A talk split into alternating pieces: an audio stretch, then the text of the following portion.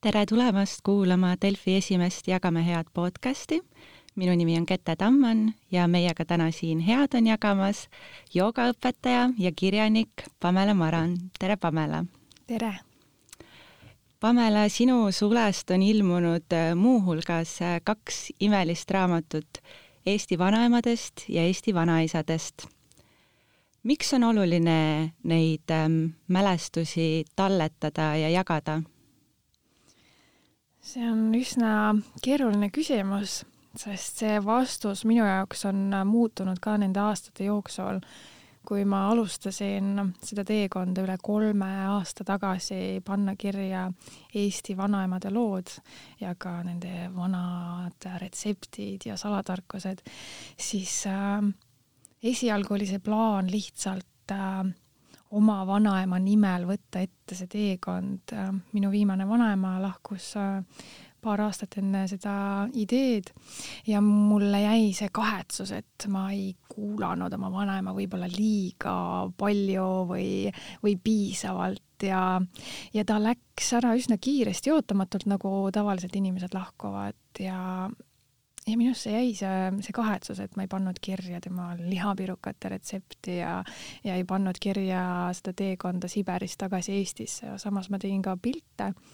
ja ma ikka mõtlesin, et nii kihvt oleks äh, talletada need tema elujooned ja kortsud, mis tal näos on ja ja paraku jäigi see ainult selleks soovunelmaks ja, ja esialgu jäi sellest järele kahetsus ja ma mõtlesin, et tegelikult kogu see põlvkond, vanavanemate põlvkond, see on paarikümne aasta küsimus, mil nad on jäädavalt läinud. Läinud on need, kes mäletavad seda sõjaaega, küüditamist, Nõukogude Liitu, kõike seda vana-vana tarkust, aegu, mil veel ehal käidi, mil toimusid külapeod, mil armastust leiti külapidudelt, mitte Tinderist. kõik see omamoodi nostalgiline aeg ja varsti on see, see, kes seda otse mäletasid, on jäädavalt läinud. ja, ja esialgu ma läksingi vanaema nimel seda talletama ja kirja panema, kuid ühel hetkel ma sain aru, et sellel on mingi suurem väärtus, mingi suurem mõte. see on see mõte austusest, austusest selle vastu, millest sa oled tulnud, kellest sa oled tulnud, austus nende aegade vastu, austus selle panuse vastu, mida vanavanemad ja kõik esivanemad on, on teinud, kes on üles ehitanud riike, kes on, kes on meie siinsamas talumajasid üles klopsinud, kellele me mingis mõttes vaimselt võlgneme selle, et meil on praegu hästi et tegelikult on meil praegu väga hästi ja, ja niimoodi see, miks aegamööda teisenes ja, ja muutus ähm, ja ma arvan, et selle tegelikku väärtust ja suurust äh, ma siiamaani päris täpselt ei hooma, et miks on oluline mäletada. et Juhan Liiv on ka öelnud, et kes äh, minevikku ei mäleta, see elab tulevikuta ja, ja ma arvan, et see selline vaimne austus äh, kuulamise ja, ja tähelepanemisega, see aitab meil seda tulevikku ka paremini üles ehitada. see kogemus sõita mööda Eestit ringi ja elada sisse nende inimeste lugudesse, mis ei olnud üldse kergete killast, me räägime hoopis teistsugusest ajastust, sa ei teinud seda mitte ühe, vaid kaks korda ja kuigi lubadus avaldada peale vanaemade raamatut ka vanaisade raamat, nii-öelda pressiti sult äh, Hannes Võrno poolt otse saates välja, aga kuidas sellega ikkagi tegelikult oli, et mina usun, et inimeses peab ikkagi mingi idee nagu küps olema, kui ta ikka tahab välja tulla, ükskõik mis selleks äh, päästikuks siis saab võib-olla tõesti, aga üks asi, mida vanaema mulle veel õpetas, oli see, et kui sa midagi lubad, siis sa pead igal juhul seda täitma. et tol hetkel, kui ähm, Hannes seda mult äh, kaamerate ja prožektorite valguses äh, küsis, siis äh, ma ei olnud tegelikult selleks valmis, sest Vanemade raamat oli just äsja valmis saanud, see teekond oli äsja selja taha jäänud ja minu jaoks see esimene raamatuteekond oli vaimselt palju-palju raskem ja, ja ma ei kujutanud ette, et ma peaksin või tahaksin seda uuesti läbi teha. kuna ma olen äh, pigem empaatiline inimene, siis ma väga elan läbi äh, neid äh, lugusid ja sündmuseid enda sees, et kui vanemad rääkisid pommitamistest või, või näljast, siis, siis paratamatult mul, mul jooksid need pildid silme ees. et ähm, ma ei tahtnud tegelikult vaimselt, ma ei tahtnud äh, seda teekonda uuesti ette võtta.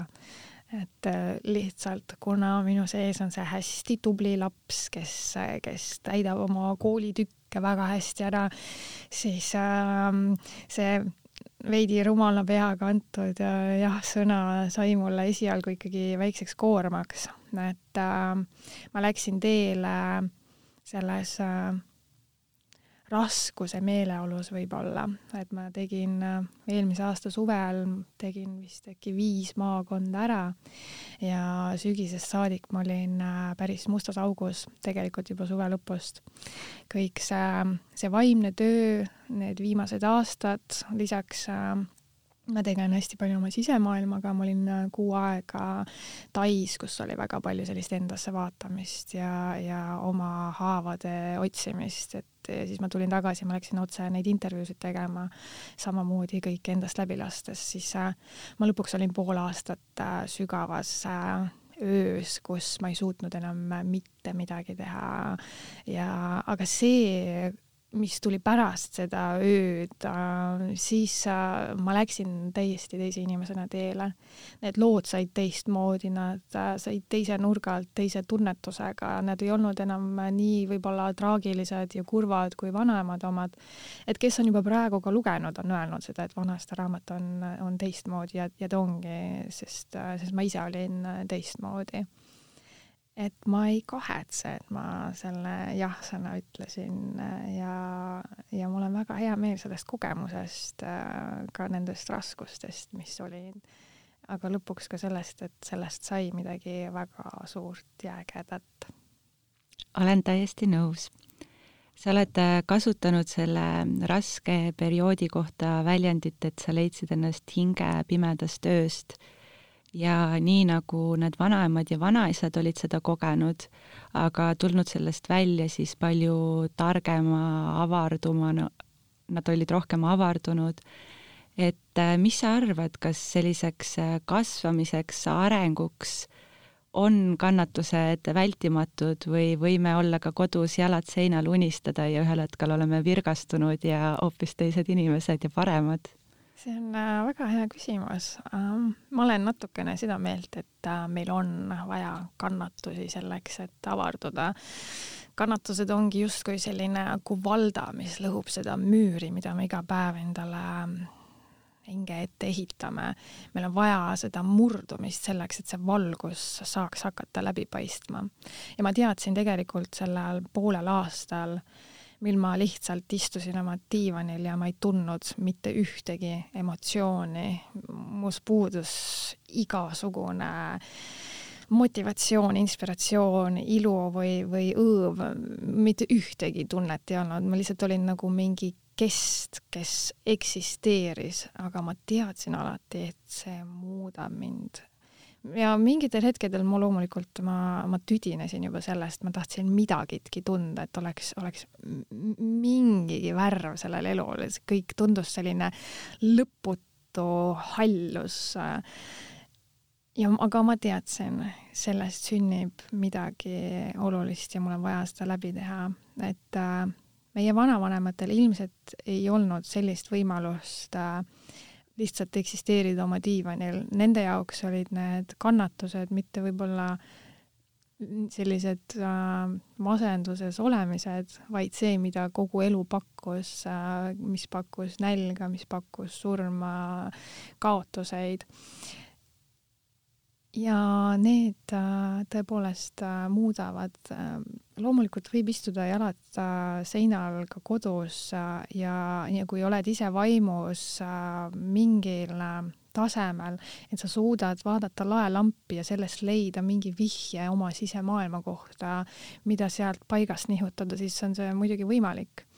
aga kui, kui me ei klammerduks sellesse ideesse, millest rääkisid ka kaks vanaisa mis on see elu ja õnne saladus, mis on see põhivõti, on see, et sa ei anna hinnanguid millelegi.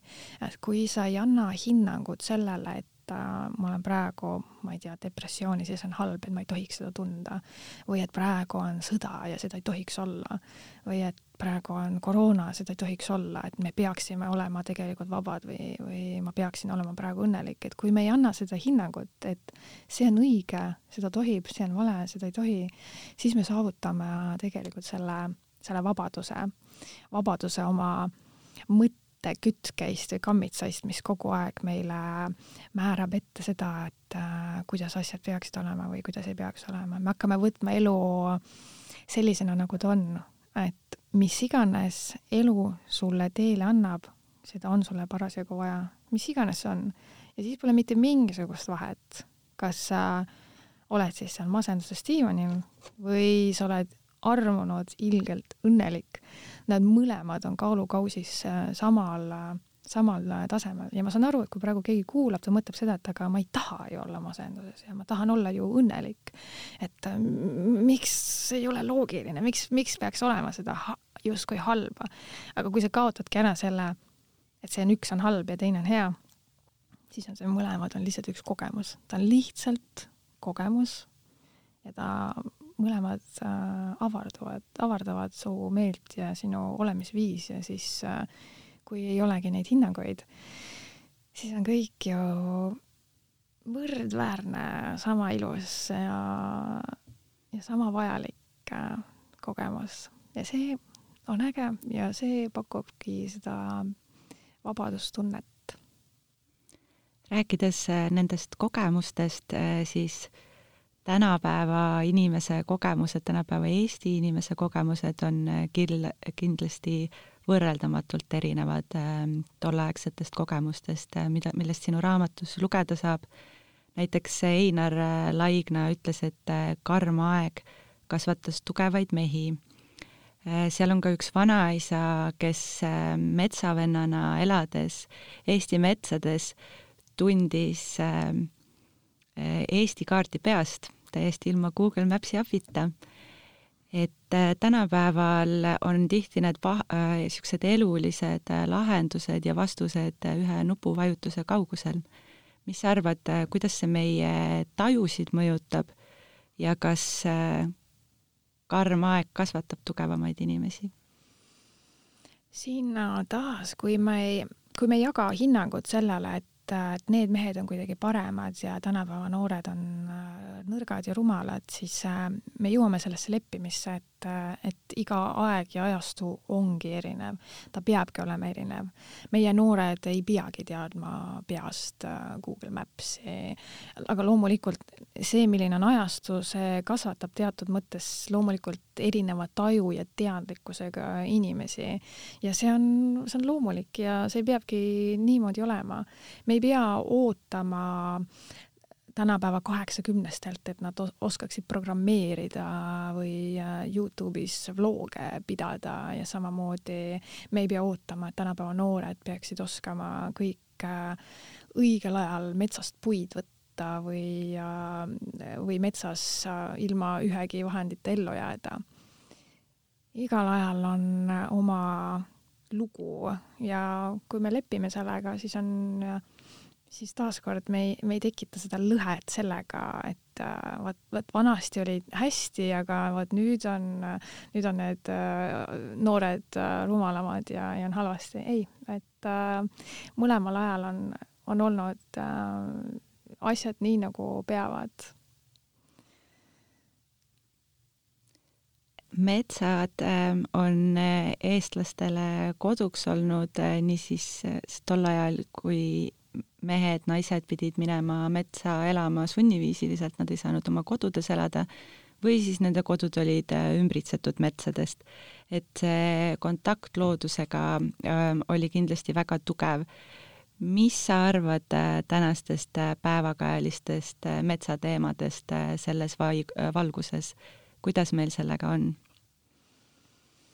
Ma taaskord äh, ei tahaks jagada hinnanguid selle kohta, kuidas on, et äh, ma olen sellest aru saanud, et me oleme liikunud äh, sellisesse ajastusse, kus äh, metsasid raiutakse ja paljudel on seda kontakti vähem loodusega, aga ma ei saa öelda, et, et seda ei ole või, või noored ei hinda ja, ja nii edasi, et äh, on nii ägedaid noori mul endal ka tutvusringkonna seas, kes käivad matkamas, kes, kes veedavad üksinda aega metsas, kes on tulnud ära linnast kontoritöölt, pannud äh, talu püsti, siinkohal soovitan uurida Väetalu ja tolle väga noort ja ilusat perenaist, äh, kes, äh, kes ka korraldab matkasid seal rabade keskel meil on olemas äh, kõiki ähm, varjundeid, meil on olemas neid, kes, kes on loodusega kontaktis ja see peabki niimoodi olema, et nendel, kellel on südames kutse looduse poole, need, need leiavad selle ja nendes, kes on südames kutse betoonseinte ja, ja kontori poole, need on seal, aga me ei tohiks kultiveerida seda, et, et me oleme ajastul, kus inimesed on kaotanud kontakti ja me peame loodusesse minema, et ei pea, kõik ei pea loodusesse minema. me peame armastama seda, mida, mida me teeme juba iseenesest ja me ei peaks tundma seda lõhet, et me teeme midagi valesti või halvasti, noh kurat, kui sulle ei meeldi seal rabades käia, siis ära tunne süüd sellest, et sa ei käi seal rabades.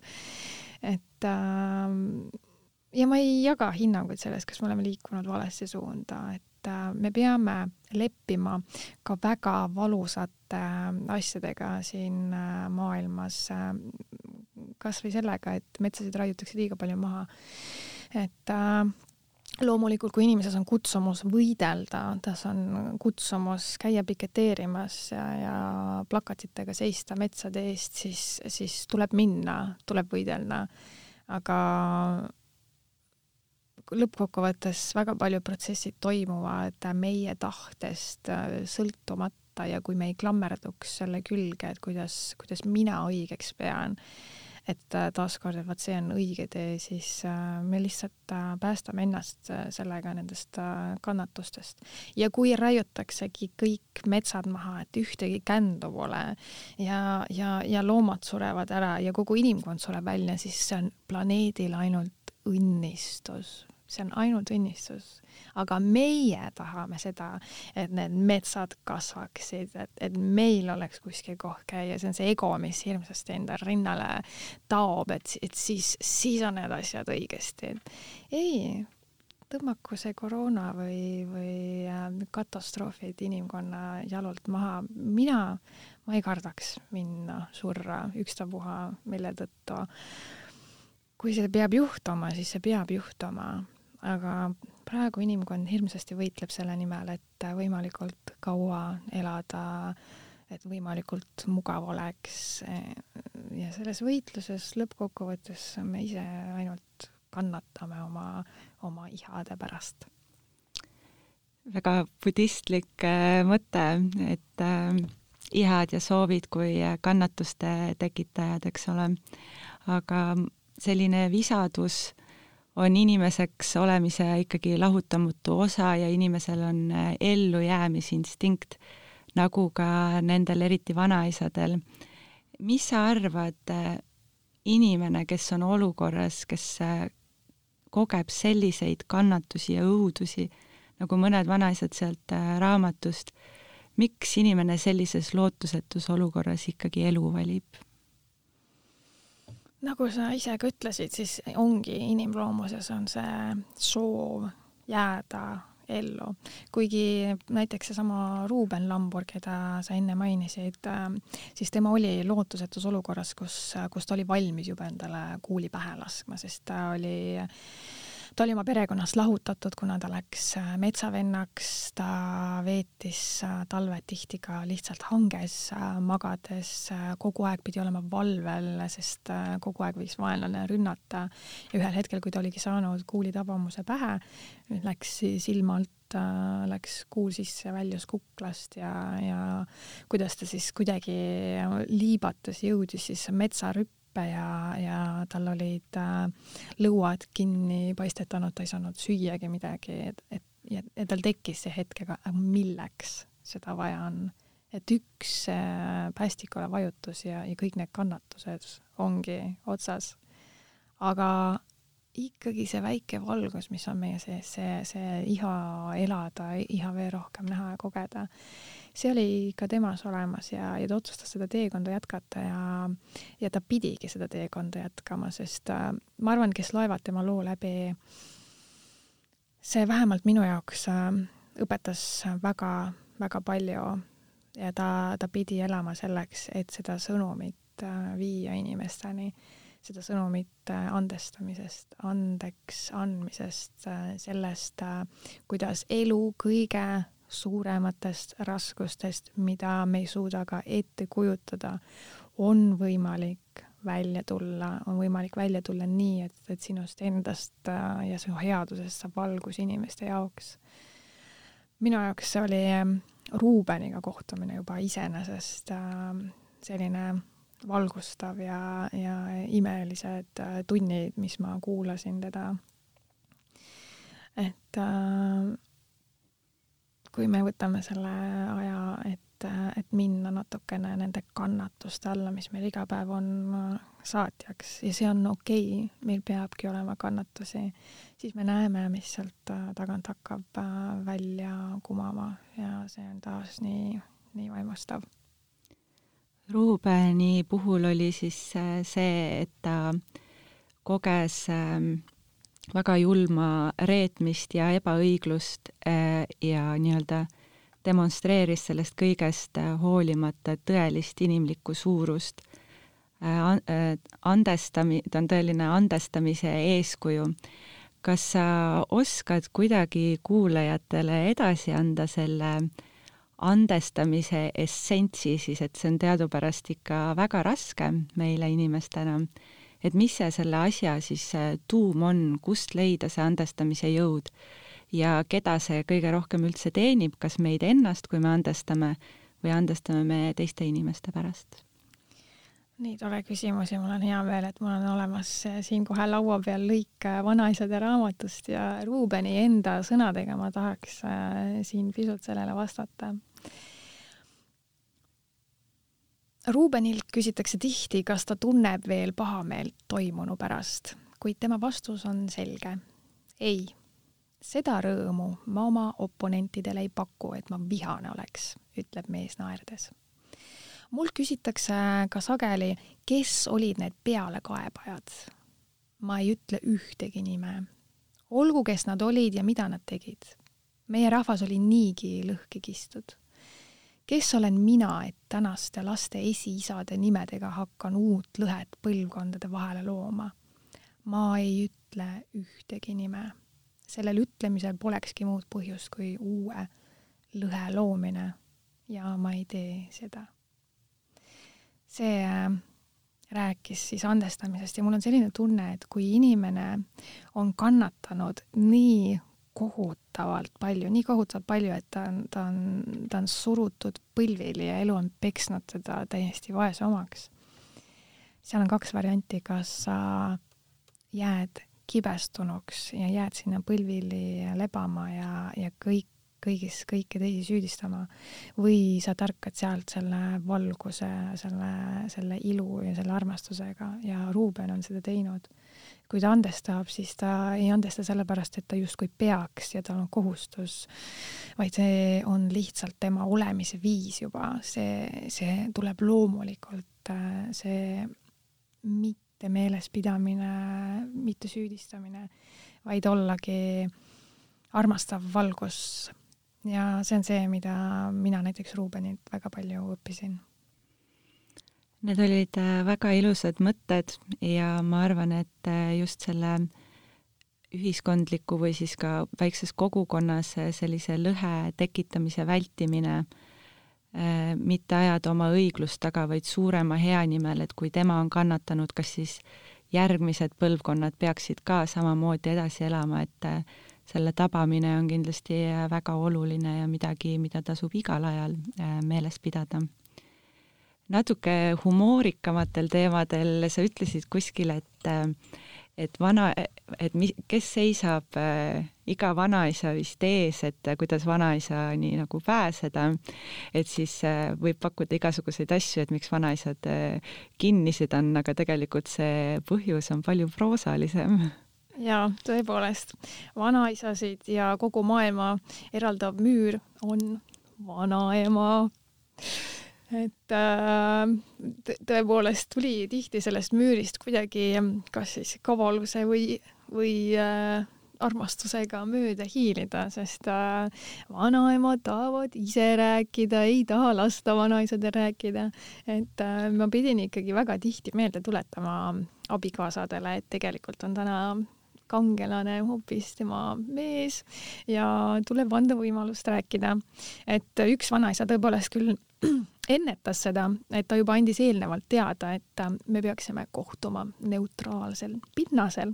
ja kui ma mõtlesin, et endisel miilitsal on võib-olla mingeid valgust kartvaid saladusi, siis tegelikult see neutraalset pinnase soov tuli sellest, et ta, ta teadis, et ta naine ei laseks tal rääkida aga lõpuks ta siiski leebus ja lubas siis enda koju aga seal läks tõepoolest madinaks, et ma koha, kohati vaatasin, et kas, kas on kuskil kaamerad üleval, sest oli võitlus, kumb saab rääkida. ja siis oli vanaisa pahandas vanaemaga, siis vanaema kutsus teise tuppa teed jooma, kus ta hakkas oma lugu rääkima, siis vanaisa tuli akordioniga, tahtis üle rääkida ja siis nad omavahel kemplesid ja, ja see oli, see oli nii tore ja, ja ma panin selle kõik selliselt kirja ka, et ma tahtsin, et, et need lood oleksid maksimaalselt autentsed, nii nagu ma selles antud hetkes kuidas äh, seda kogesin ja nägin ja, ja mis seal toimus, siis ma panin need asjad äh, niimoodi kirja ka. aga nad olid lõpuks ikkagi nii tore paar, et nad lubasid ka selle kirja panna, kuidas nad siis äh, omavahel kemplesid selle aupoiste nimel. et aga noh, sai tänu sellele vanaema ka oma tähelennu, nii et jaa, aga aga tõepoolest, meestel on rääkida, ma, ma olen seda ka öelnud, et see vanaisade raamat, kui vanaemasid sai sada, siis vanaisasid sai kuuskümmend kuus, sest nad rääkisid äh, palju rohkem.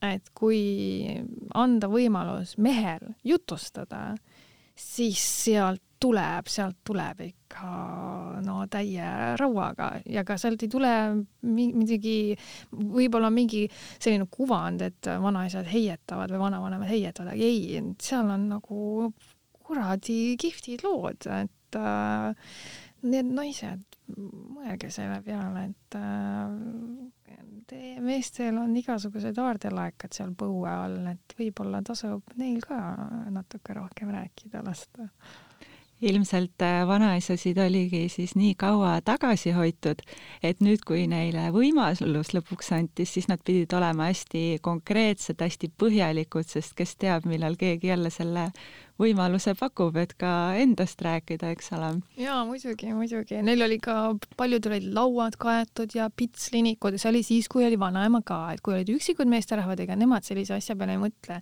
aga muidu oli ikka pidulikud lauad ja et kirjanik tuleb külla, mis on minu jaoks nagu natuke naljakas, sest ma ei pea ennast tegelikult kirjanikuks. et ma olin pigem enda jaoks inimene, kes läks kuulama neid ja pärast pani selle loo kirja, aga, aga mul tekkis endal selline äh, veidi äh, ärev tunne, et nagu ma oleksin keegi tähtis ja oluline, keda oodati kaua-kaua küll, aga. mitte nagu vaid sa oledki. no lõpuks pärast, kui meil intervjuu läbi oli, siis, siis tekkis juba see, et kas sa oled nagu oma inimene päris, et, et siis ma muutusin selliseks ähm, rohkem võib-olla lapselapseks, kes oli tulnud äh, kuulama oma vanavanemate pajatusi ja see, see oli mulle natukene südamelähedasem, et see, seda, sellesse rolli ma sobitusin paremini kuidas selle kuulamisoskusega on, et, et sa nägid seda äh, vanema naissoo puhul, et võib-olla sellest kuulamisoskusest jäi vajaka, aga Hannes Võrno sinule tegi just sellise komplimendi ajakirjanikuna, kui hea ajakirjanik sa oled, ja sina minu mäletamist mööda tõid välja just selle kuulamisoskuse, et tuleb osata kuulata ja küll siis tulevad ka lood. et kas see, kuidas sinul selle kuulamisoskusega enda arvates on, kas sa pead ennast heaks kuulajaks ja kas see on midagi, mida naistel üldiselt võib-olla tasub natukene rohkem arendada endas? ma arvan, et seda tasub parendada meil kõigil, taaskord neil, kel on kutse selle poole, kes, keda ei huvita teiste kuulamine, ei pea tundma ennast puudutatuna sellest, et nad ei kuula hästi. ärge solvuge keegi, kes ei taha kuulata. just, et äh, ja ma arvan, et minu puhul, mis on aidanud kaasa sellele, et äh, ma arvan ja et ma pigem olen äh, hea kuulaja, on see, et ma tegelen ju kõrvalt ka selle vaimse poolega ja sisemaailmaga ja see, et ma arendan pidevalt seda teadlikkust ja, ja avatud olemist, on see, mis, mis muudab heaks kuulajaks. see, et kui sa oled selle inimese vastas, siis sa oled täielikult temaga, et paljud ei saa sellest aru, mis tähendab kohalolu. et noh, ma ju istun siin ja noh, ma olen kohal, aga ei, sa oled seal kohal, kus viibib sinu mõistus ja meel. et kui sa istud inimesega ja sa samal ajal mõtled, ma ei tea, kas järgmisest küsimusest või sa mõtled, mis sul tegemata täna jäi, sa mõtled, mida sa peaksid homme tegema või mis kell järgmine kohtumine algab, siis sa ei ole seal, siis sa oled igal pool laiali, sa oled äh, kõikjal mujal, aga mitte selle inimese juures. ja see on see on inimesele loomulik omadus, nii, niinimetatud ahvimeel, et, et ta hüppab kogu aeg ühelt teemalt teisele, et ta kord äh, mõtleb seda, kord mõtleb teist ja, ja siis oledki lihtsalt laiali. aga, aga see on, see on tegelikult üsna keeruline ja arendatav oskus olla selles hetkes täielikult kohal, olla avatud, kuulata, võtta vastu. Ja taaskord see, et sa ei jaga hinnanguid, et, äh, et kui inimesed rääkisid ka midagi, mis mulle võib-olla ei meeldinud, et äh, mis ei süngi minuga, siis, äh, siis mus ei toimu sisemiselt nihet vastumeelsust selle inimese vastu, vaid vastupidi, minus tekkis see, et ah, huvitav huvitav, et ta selliselt mõtleb, et see on nii põnev ja, ja siis sa, siis su tähelepanu võib-olla laieneb veel rohkem, et, et teada saada ja, ja see on see, mis ka paneb inimesi rääkima. Nad tunnevad, et nad võivad rääkida ükskõik mida ja nad on ikkagi mõistetud, nende sõnum on ikkagi kuuldud ja, ja nad, ja nad äh, sellises turvatundes, nad räägivadki rohkem ja, ja avaldavad üsna palju. et äh, vanaemade puhul käis see repliik väga palju läbi, et nad ei osanudki oodata ja et nad nii palju räägivad ja, ja selliseid asju, millest nad pigem nagu ei tahaks rääkida. aga nad tundsid turvaliselt. ja see see on, see on minu jaoks ka oluline luua selle inimesega, kellega ma koos olen selles hetkes seda tunnet, et ta võib olla kuidas iganes ta parasjagu soovib. et äh, taaskord see hinnanguta olemine, et äh, kui me hakkame iseendas seda kultiveerima, seda täielikku avatust, siis, äh, siis hakkavad teised ka julgema seda olla kuidas nende vanaemade ja vanaisade puhul üldse oli, et kas neil oli neid inimesi, näiteks nende lapselapsed, kellega neid lugusid jagada või oli see pigem neile selline erakordne kogemus, et võib-olla mõni neist ei olnud isegi aastakümneid või, või ei iialgi neid lugusid jaganud?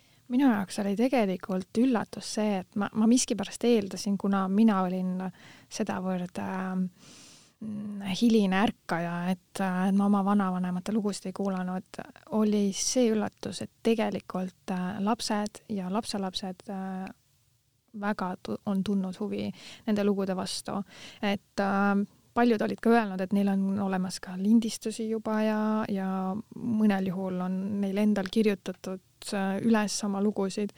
et seda oli hea kuulda et äh, need, nad tegelikult väga tihti olid märgatud ja kuuldud ja, ja vahel olid need lapselapsed kõrval või lapsed, kes ütlesid, aga räägi sellest ka, aga vaata, vaata, sul oli see asi ka, et nad tuletasid meelde neid sündmuseid, sest ne, neil oli üsna hea ülevaade nendest asjadest olemas.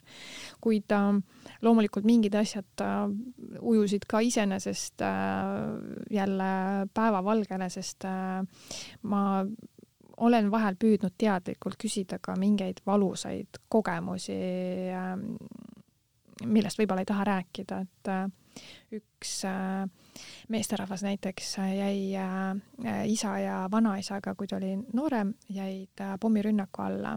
Ja ta, ta libises sellest teemast kogu aeg pidevalt üle, et ma tõin ta tagasi, tõin teda kogu aeg tagasi, sest minu jaoks oli see midagi erakordset. vanaisa, isa, tema, neid pommitati, vanaisa, isa said mõlemad seal surma aga ma hakkasin küsima, et aga, aga mis seal täpsemalt oli, et, et, et kus, kus kohas teie olite, mis teil juhtus, kus, kus te haavata saite, kuidas need hobused olid, et, et ku, kuidas abi saite? et kui, kui minna üle sellest ebamugav, ebamugavusest, mis tegelikult mul on ebamugav sorkida hellades teemades, aga samas on see huvitav jälle loo osas, et uh, kuidas need asjad täpselt olid. pärast perekond ka rääkis, et tegelikult nad ei olnudki nii detailselt uh, kuulnud sellest sündmusest. Ja kui ma olin ära läinud, siis see vanaisa rääkis tegelikult veel sellest äh, veel detailsemalt, ehk siis mingi osa sellest, äh, mis oli justkui kõrvale heidetud ja ära unustatud, see, see sai sealt paisu tagant natukene lahti. Ja, ja ma saan aru, et see tekitab küsimust, et aga milleks neid vanu haavu lahti rebida jälle ja otsast peale üle elada ja nii edasi. et äh, ei, aga sa räägid ja jagad nii kaua, kuni sul ei ole mingeid emotsioone sellega, et sa ei pea seda enam mingiks haavaks, vaid sa räägid sellest lihtsalt mingist sündmusest äh,, nagu ma ei tea, Hollywoodi filmist, mida sa oled teleekraanil näinud niikaua, kuni see ongi mingi haav, mis on ära peidetud ja ära varjatud ja, ja ärme seda sitta puutu, et läheb haisema, nii kaua see vaikselt haiseb tegelikult äh, enda sees. et äh, meil on vaja rääkida. Ja räägid nii kaua, kuni, kuni mitte ühtegi emotsiooni sellega ei kaasne. Selle emotsioonide ja lugude jagamisega on tegelikult vist nii ka igapäevases elus, et äh, alati ei pea jagama äh, kaugeid lugusid minevikust, aga meie sees on iga päev mingi lugu, mida me võib-olla ei taha välja öelda. et äh, see puhastab ka ju õhku, et iga päev ei oleks kas või oma partneriga koos elades, et äh, teeme halva mängu juures hea nä-, äh, head nägu või et me ju mõlemad tunneme, et, et siin ei ole näiteks hea vibe, aga aga keegi midagi ei ütle taas see on jälle üks inimloomuse omadus, äh, on ignoreerida ja, ja liikuda ruttu edasi. et, äh, et noh, aga, milleks ma nagu tekitan konflikti, et ma parem manan selle naeratuse näole ja, ja liigume edasi, et me me ei pea nagu tegelema nende asjadega. paraku, kui see asi on sind häirinud, see tähendab seda, et see nupp on sinu sees olemas siis läheme teine kord, puudutame seda luppu ja manad jälle hea näo, siis kolmas kord puudutame, sa manad jälle hea näo ja see nupp lihtsalt sinu sees suureneb. ühel hetkel sa võib-olla prahvatadki välja, mida sa tunned, et see eskaleerub tohutuks konfliktiks. aga selles konfliktis see nupp samamoodi ei kao kuhugi, ta lihtsalt sai paisu alt välja, aga see väike punn jäi sinna jälle alles, et hakata aja jooksul kasvama ma isiklikult usun ja taas ei, keegi ei pea ennast tundma puudutatuna, kui ta ongi varjaja ja, ja, ja ignoreerija ja mitte nende probleemidega tegeleja. aga minu jaoks on oluline, et elu oleks voolamises, liikumises ja me oleksime aususes. kui sa tunned midagi enda sees, siis on, see on nii kihvt ja nii tore, kui meil on olemas inimene, kes kuulab kes kuulab seda, mis, mis on sinu sees. Ja samamoodi tekitab sinus selle tunde, et mis iganes sa tunned sellel hetkel, see on okei. Okay.. sa tunned, et sa oled ärev, et jaa, sa võid olla praegu ärev, ma olen praegu kuradi vihane, ma olen nii vihane, ma olen väsinud. Ja sa võid olla kuradi vihane ja väsinud mis, mille, mis on minu puhul see, mida ma väga kaua endale ette heitsin, on see, et ma olen hirmus ülemõtleja. Ma mõtlen, ma analüüsin pidevalt, ma otsin enda sees viiteid, ma leian mingeid seoseid äh, ja siis ma samal ajal ka piitsutasin taga, no miks ma seda teen ja ma mõtlen liiga palju, ei, see on minu tugevus, see on, see on minu loomulik äh, viis äh, elada, loomulik viis toimetada ongi mõelda, mõtiskleda, analüüsida, seosed leida.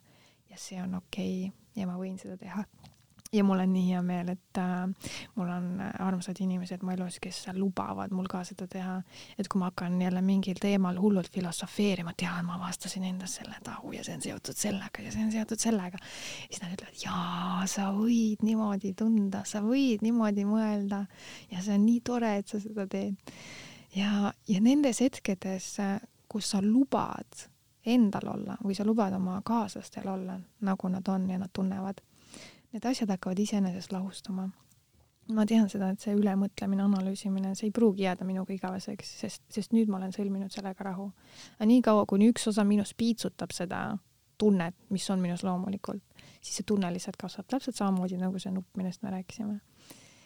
aktsepteerimine, lubamine, kõik, mida sa tunned, on okei okay. lõpetame ära selle new age möga, et sa pead positiivselt mõtlema, positiivselt jaatama, naeratama, kõigest üle olema. see on, see on, see on lihtsalt nii jabur, sinu sees on midagi loomulikku ja, ja sa hakkad äh, sinna viskama peale mingit äh, naeru ja, ja sooja tekki, et seda ära peita.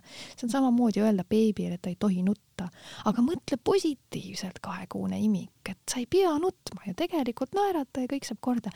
ei kuradi pärast, ta võib nutta, ta võib karjuda.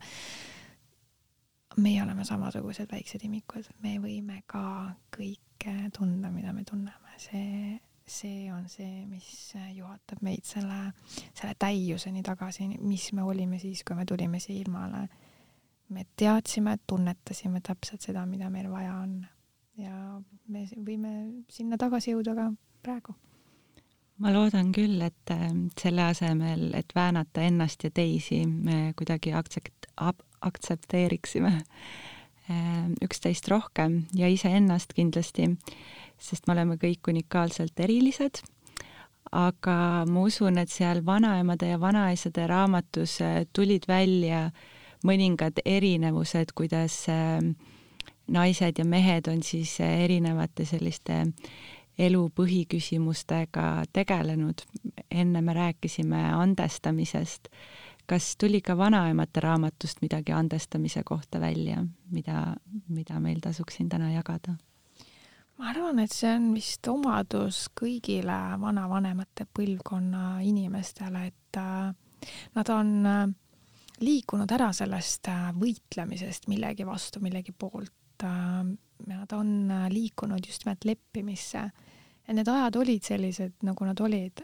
et väga vähesed olid need, kes siiani näiteks vimma kannavad, et neid ära küüditati või, või neil oli hästi raske lapsepõlv, väga vähesed enamik neist siiski äh, ütles seda, et aga, aga, aga milleks äh, vihastuda või, või kelle peale üldse viha kanda. ja, ja ütlesid ka seda, et aeg oli selline, nii oli lihtsalt. mida sa õppisid äh, näiteks sõpruse ja armastuse kohta vanaematelt ja vanaisadelt? Sõprusest me kusjuures nii väga ei rääkinud, aga armastusest me rääkisime küll. ja taas see on selle põlvkonna lugu ja suhtumine, et äh, palju oli seda enesealal hoidlikkust ja vist ka süütunnet, et äh, koht-, kohtus, kostus välja tihtipeale seda, et noh, ja nüüd ta peab mind kannatama ja nüüd on ta mind kannatanud siin viiskümmend aastat, et selline enese välja vabandamine võib olla, et on, et tuntakse süüd, et äh, noh, see on loomulik, et naised näägutavad, see on, see on nagu normaalne. on normaalne, et äh, mehed vaikivad ja peidavad enda sisse neid tundeid, et äh, need konfliktid on loomulikud. mis on ebaloomulik, on kanda seda taaka edasi läbi süütunde ma poleks tohtinud näägutada, ma poleks tohtinud nii või naa olla. ja siis, ja sellest repliigist kajas seda välja see, et no nüüd ta mind siin, on kannatanud viiskümmend aastat, kajas seda, seda süütunnet, et ma poleks tohtinud äh, mingil viisil olla ja ma olen valmistanud teisele inimesele raskuseid. ei, sellel teisel inimesel oli sind vaja, sellel teisel inimesel oli sinu näägutamist vaja, tal oli vaja neid niinimetatud raskuseid, mida sa pakkusid. Ei pea süüd kandma. ta on rõõmuga olnud need viiskümmend aastat ja kuuskümmend ja nii edasi. et äh, seda, seda kostus ja, aga ma saan sellest aru, et äh, nad ei pea seda mõistma, et äh, et asjad ka nende isiklikes suhetes olid nii, nagu need äh, pidid olema. aga paraku see süütunne sööb ära seda ilusat heledat äh, valgust, mida tegelikult neil oleks ju ka siiamaani jagada. aga see süütunne on selline tamm selle voolava jõe ees. et äh, aga see oli selline alltekst, mida ma ise tajusin ja, ja kuulsin, et äh, aga leppimist äh, siiski, et mis iganes, kui palju on näägutatud või, või haiget tehtud, äh, et, et sa oled kaheksakümneselt või üheksakümneselt, sa oled endiselt koos selle teise inimesega, sa oled äh, leppinud temaga täielikult, sest ka siis, ükstapuha, kui halb see suhe ole, oli olnud, üksinda oli olla hullem. et need, kes olid üksinda, nad ikkagi igatsesid seda oma näägutavat kaaslast äh, tagasi.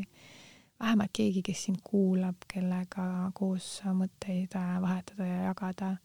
et ähm, see koosolemine, see nõuab seda enese ego ja valude otsa vaatamist, äh, see, see näägutamine, et sellega leppida, et alanduda, kui mõlemad pooled julgevad alanduda, et ei ole, et vaata, aga minu õigus ja minu tahe ja, ja minu arvates peaks niimoodi käima. et kui, kui mõlemad julgevad justkui kummarduda teineteise poole, siis sünnib selline täiuslik äh, armastus ja mingil alateadlikus äh, mõttes äh, paljud paarid olid suutnud seda ka saavutada, et see ei olnud mingi teadlik tegevus, aga see, see sügav leppimine, et äh, on nagu, nagu on. mõni kahjuks lihtsalt pidi seda nentima alles siis, kui kaaslast enam ei olnud.